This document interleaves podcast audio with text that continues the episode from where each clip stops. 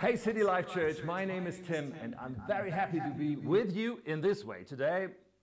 it was actually planned that my wife Katja and I would be with you in person, which unfortunately is not possible at the moment in these crazy times, but so good that we have these opportunities today. And I can tell you there's a message on my heart for you, for you personally, and I'm convinced that God wants to speak to you. But first, I want to say, Katja and I Love your pastors, Erald and Mathilde. They are such great leaders and people full of encouragement, wisdom, and Holy Spirit. They have been with us at K21 Church several times and have always been a tremendous blessing for us. Through some networks, I also got to know the next generation, Pastor Joshua and Chelsea, and it's very obvious. You are blessed, City Life Church, and the future looks great. I'm really honored to share this message today. Before I pray, I read one verse. It's from Proverbs and it aligns us with our topic today, and then we pray. Proverbs 29 18. Where there is no vision, the people perish. Or, another translation, where there is no message from God, the people don't control themselves. Hmm, let's pray. Dear Lord, you are God Almighty, the King of Kings. We thank you today for your love for each and every one of us.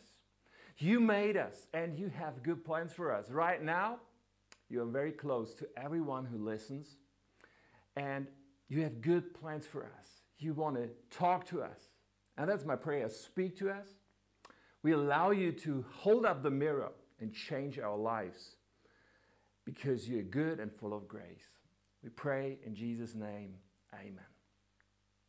Imagine somebody comes to you with that question Are you with us? We want to shovel as much dirt into big bags as possible in the next few days. I don't know what your reaction will be. In any case, I would be irritated and not very enthusiastic. Doesn't sound that attractive, right? you are welcome to do this alone. But imagine another question. Somebody's coming and says, Are you with us? We want to save the lives of countless people in the city from a big flood disaster. That sounds different, right? At least for me. In the Netherlands, you are, I think, experts in building dams and protecting against flood disasters. As a young man, I worked in civil protection for some years, and that was one of the possible tasks building dams out of sandbags shovel dirt into bags, or saving lives from disaster. Both questions deal with exactly the same thing in this case. But only the second question includes the why, the vision behind it. Vision makes a huge difference. As humans, we need vision. It answers the why. It's an image of the future that ignites passion in us. But when I talk about vision, I don't mean human ideas. What really makes the difference is when we know God's vision for us. In case you didn't know, God has a dream for you, a plan and purpose for your life. He had that vision even before you were born, as David prays in Psalm 139. He prays, You made all the delicate inner parts of my body and knit me together in my mother's womb. Thank you for making me so wonderfully complex. Your workmanship is marvelous. How well I know it. And then he says, You watched me as I was being formed in utter seclusion, as I was woven together in the dark of the womb. You saw me even before I was born, every day of my life was recorded in your book. Every moment was laid out before a single day had passed. How precious are your thoughts about me, O God, that cannot be numbered. You know, God has a plan. He has a what do I live for? Connecting with that, exploring that plan and purpose is one of the most important things we can do. His plans are precious, better than what you or your parents or anybody could ever imagine. Jesus says, John 10:10, 10, 10, I have come that they, and he means us by that, that we may have life and have it to the full. This is what Jesus wants to give us a life to the full, an abundant life.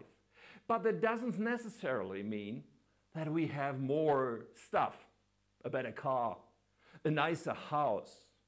Instead, it means real life. To know this is what I was born for. There is nothing more fulfilling. To live a life knowing my Creator dreamed of this before. For some, this is a new message today. You have to go on that journey. Why do I live? God wants to show you the answer. For others, maybe many of us, this message today might be more of a back on track message. And we are living right now in this pandemic, locked down so long already. We can easily find ourselves in a strange mood, right? A state where we just wait until it's over. A state in which we think of everything not possible at the moment. No, that's not, I don't do this now. We might say, I'll do that afterwards again. Afterwards, not now, afterwards. I'm not building friendships now. I'm not worship Jesus out loud now. I'm not doing that. Afterwards, I'll do it again. Not now. I'm not serving. I'm not building church. I'm not making a difference for others. But there is a fallout to that. We lose sight of what we are really made for. Actually, nothing has changed. God is still God. He didn't change, His plans didn't change. But maybe we lost sight. In these times, we can easily hedgehog ourselves, make us comfortable on the sofa. you know, a friend of mine is part of the management of one of the largest upholstery manufacturers in Europe. They produce many, many sofas. And he says, in the last year, especially during the lockdown, they have sold more sofas than ever before. Hey, that's symptomatic, I think. We cuddle up on the sofa, but God has so much more for us now, in this time. I'm not talking about breaking rules now. I'm not talking about not being careful or taking COVID seriously. What I am talking about is our attitude in this.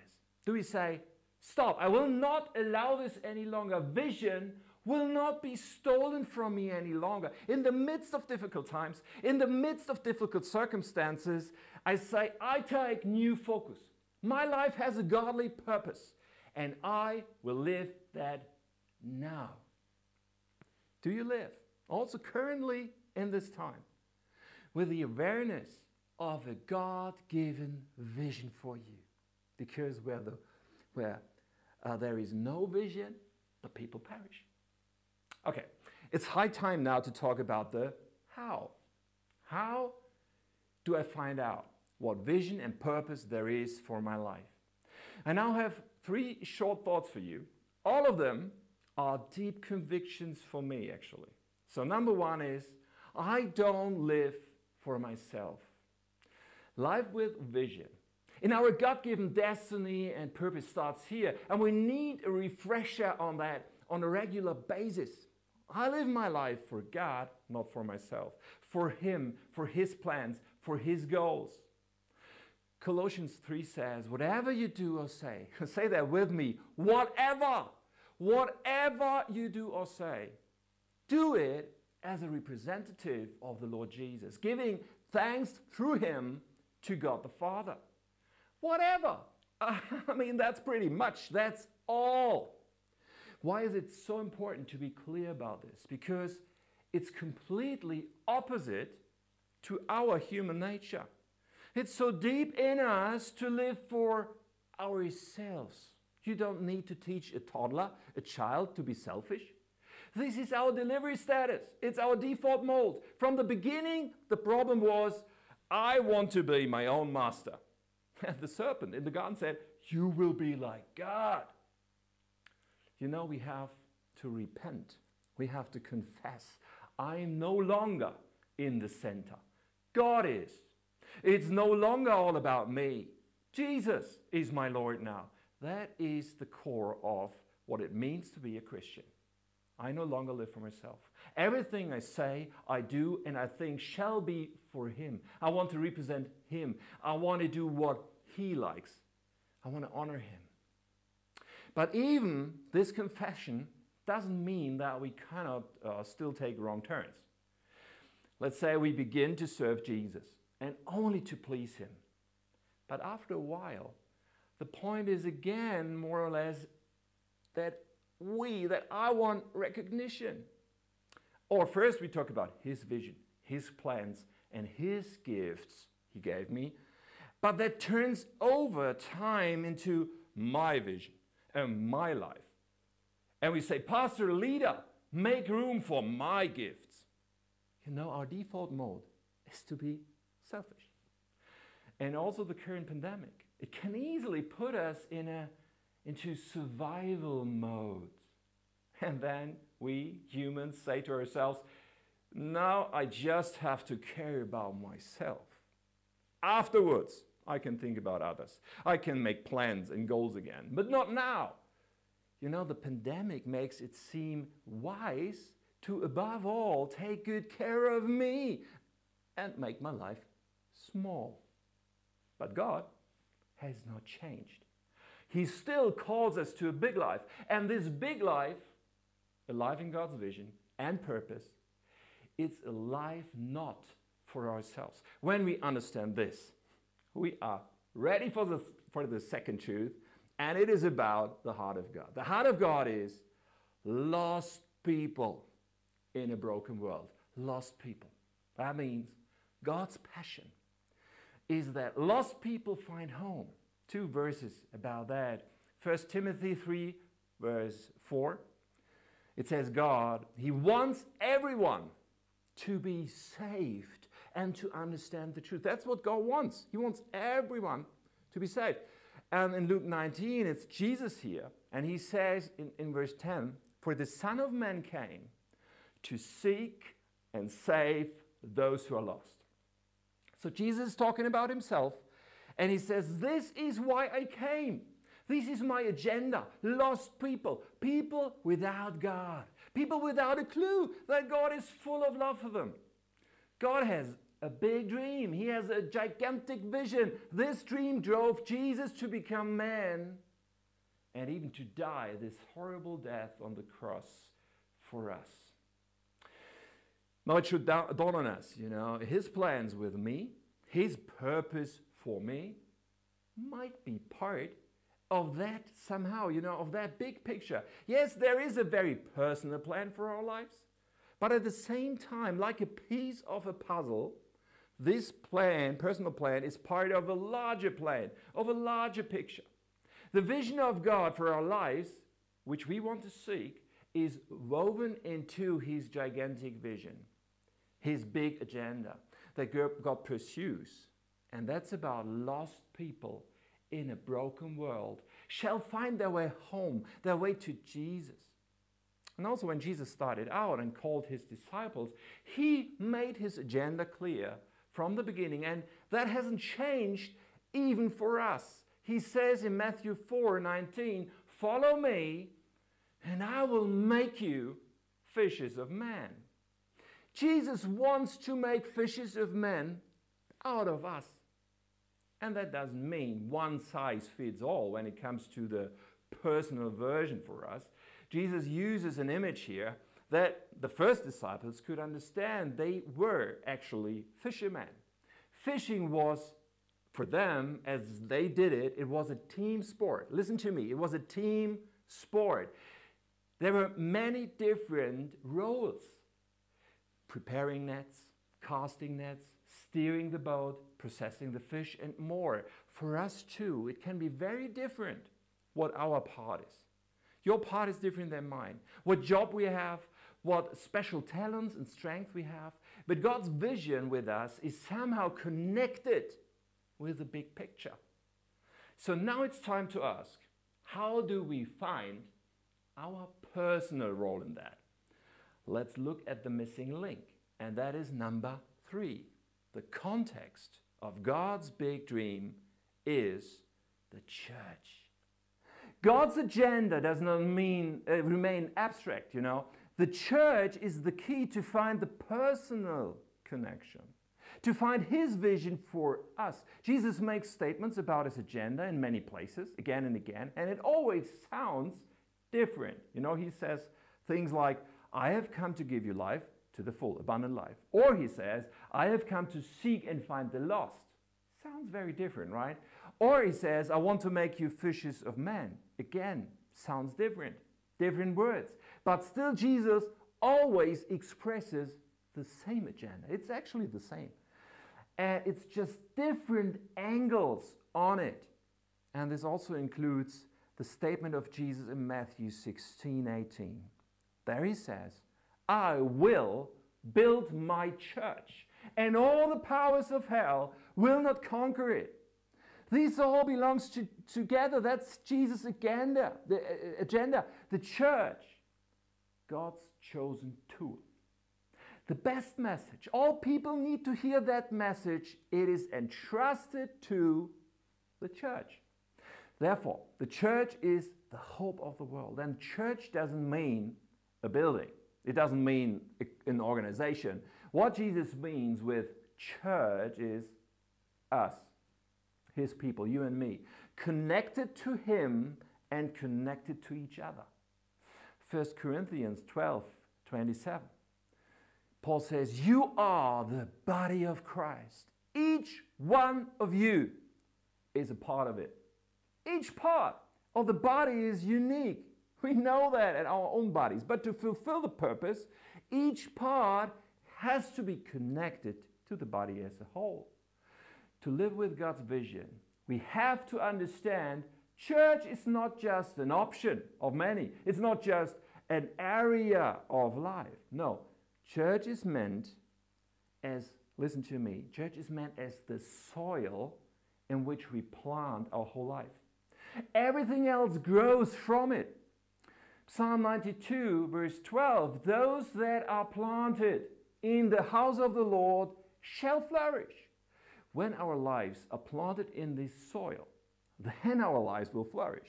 To be planted in church positions us for God to navigate our life within His big picture. What we have to realize right now, that doesn't change in a pandemic, it doesn't change in any crisis or circumstance. We have to stay firm. We have to take our place. We have to position ourselves and say, I don't live my life for myself, but for God. I, I want His heart, you know, His heart for the lost shall be my heart. And I plant myself, my life, in church, very proactive, and even now. With that, we confess God, you called me to live a big life. There is purpose for me. Life is not about just surviving, just waiting until afterwards. No, God has given you something. He wants you to contribute. It's like a key in your hand to open doors no one else can open. I give you a story for that. A while ago, I was driving to an important meeting. Just before arrival, I had time for a quick lunch in a mall and when I came out again, I tried to unlock my car. I pressed the button on the key. I pressed it and pressed it, and nothing happened. I pressed again, nothing. I was not able to open the door, and I panicked a little because there was no real lock at the door in this modern car. So then I Googled it. That's what you do nowadays. And it said, probably it's the key battery. Yeah, you have to change it. it. You know, the car should have warned you before and I thought, thank you, the car didn't warn me. Then I watched a YouTube video.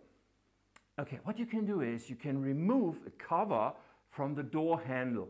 There is a small gap below, and you put your key under the cover, said and done. And really, I, I removed that cover, and, and now there's a keyhole. I put in my key, but I couldn't turn it. oh man, then I looked to the side, to the front tire, and I thought, the rim looks somehow different. And now I realize that was not my car. It was the same type of car, it was the same color. Uh, and now I looked up and there was my car four spots further. I hurried to get away actually. Hopefully nobody thought I'm a car thief. Now, the moral of the story you not only need the key, you also have to be positioned at the right car. See, God gave you and me, He gave you a key, a unique set of talents, personality, potential, resources. But all of that is useless for God's plans, for His vision for you, until you position yourself in front of the correct lock. And God doesn't force us into His plans. We have to decide. We have to say, I don't want to live for myself, but for Him. I want to live for His agenda, for His love for humanity. So I will take my place where? In the church. Because the church is His tool. I, I, need the body, and the body needs me. You know, right now in 2021, I sense the Holy Spirit, and He says to us, All hands on deck. Take your place. Make yourself available to me. That's what the Lord says. It may be that we made ourselves a little too comfortable on the Corona couch. It may also be that we are a vital part of the body just now. Different people are watching. But it's still good to get a fresh focus, right? God wants to refresh your vision, to refresh your passion. Look at these areas in, in your life and check if they reflect vision and passion. Number one would be relationships, friendships with other parts of the body. Are we actively sharing our lives and seeking other people in church? Second, serving. Are we contributing to carry the weight? If not, you can ask a leader, where can I serve now? I want to, I want to carry with you. Third is giving. This is not the time to give less. Don't know about your church, but in most churches, a part of the people stopped or reduced contributing financially in the pandemic. That should not be us. God is very serious about us taking care for his house. And the fourth is prayer and worship. It's time to reach out to God like never before, to praise him with all of our heart now. Let's let, let, it not, let that not longer be stolen from us. And also, let's pray. Let's ask Him to refresh our vision and passion. The time we live in, it's not a time to sit back. It's a time to say now more than ever. It's a time to say all hands on deck. It's a time to say, I answer the call. In the last few months, I've, I've seen how much is still possible. One story is my hairdresser. I go to him for years now. So many times we talked about God. And dozens of times, really, he said, I'll be there next Sunday. But he never actually came. I was frustrated. Uh, when we started streaming church last year, I invited him to watch in his home. And he really did. He actually watched the service. And then he started to watch week after week. And after a while, he said to me, I clicked the button to raise my hand. I gave my life to Jesus. Then he physically started attending services. And after some weeks, he said, Can I get baptized? Of course you can. So we baptized him along with a number of other people. We are living, hear me, we are living for a time like this. Much more is possible than we often think. Have you made a decision? I want to live a big life now. Have you positioned yourself in the front of the right lock? God wants to give you vision, to refresh your vision. We are called to a big life, a life filled with His vision and purpose. Don't wait. It's time for all hands on deck. I now want to pray for us. And I would like to pray for us that more than ever, we will have a clear, broad view of God's vision for us and not hesitate to say, Here I am, Lord. Let's pray. Father, thank you for loving us. Thank you for not just creating us unique, you call us wonderfully made, but you also have a purpose and a plan and vision for us. On behalf of everyone who agrees, I pray we belong to you. We want to live only for you and we want your heart. Give us your heart, give us your agenda. We want to fill our place in your body. We want to be active. Refresh us, renew our vision and our passion. In Jesus' name I pray. Amen. Amen. God bless you, City Life Church.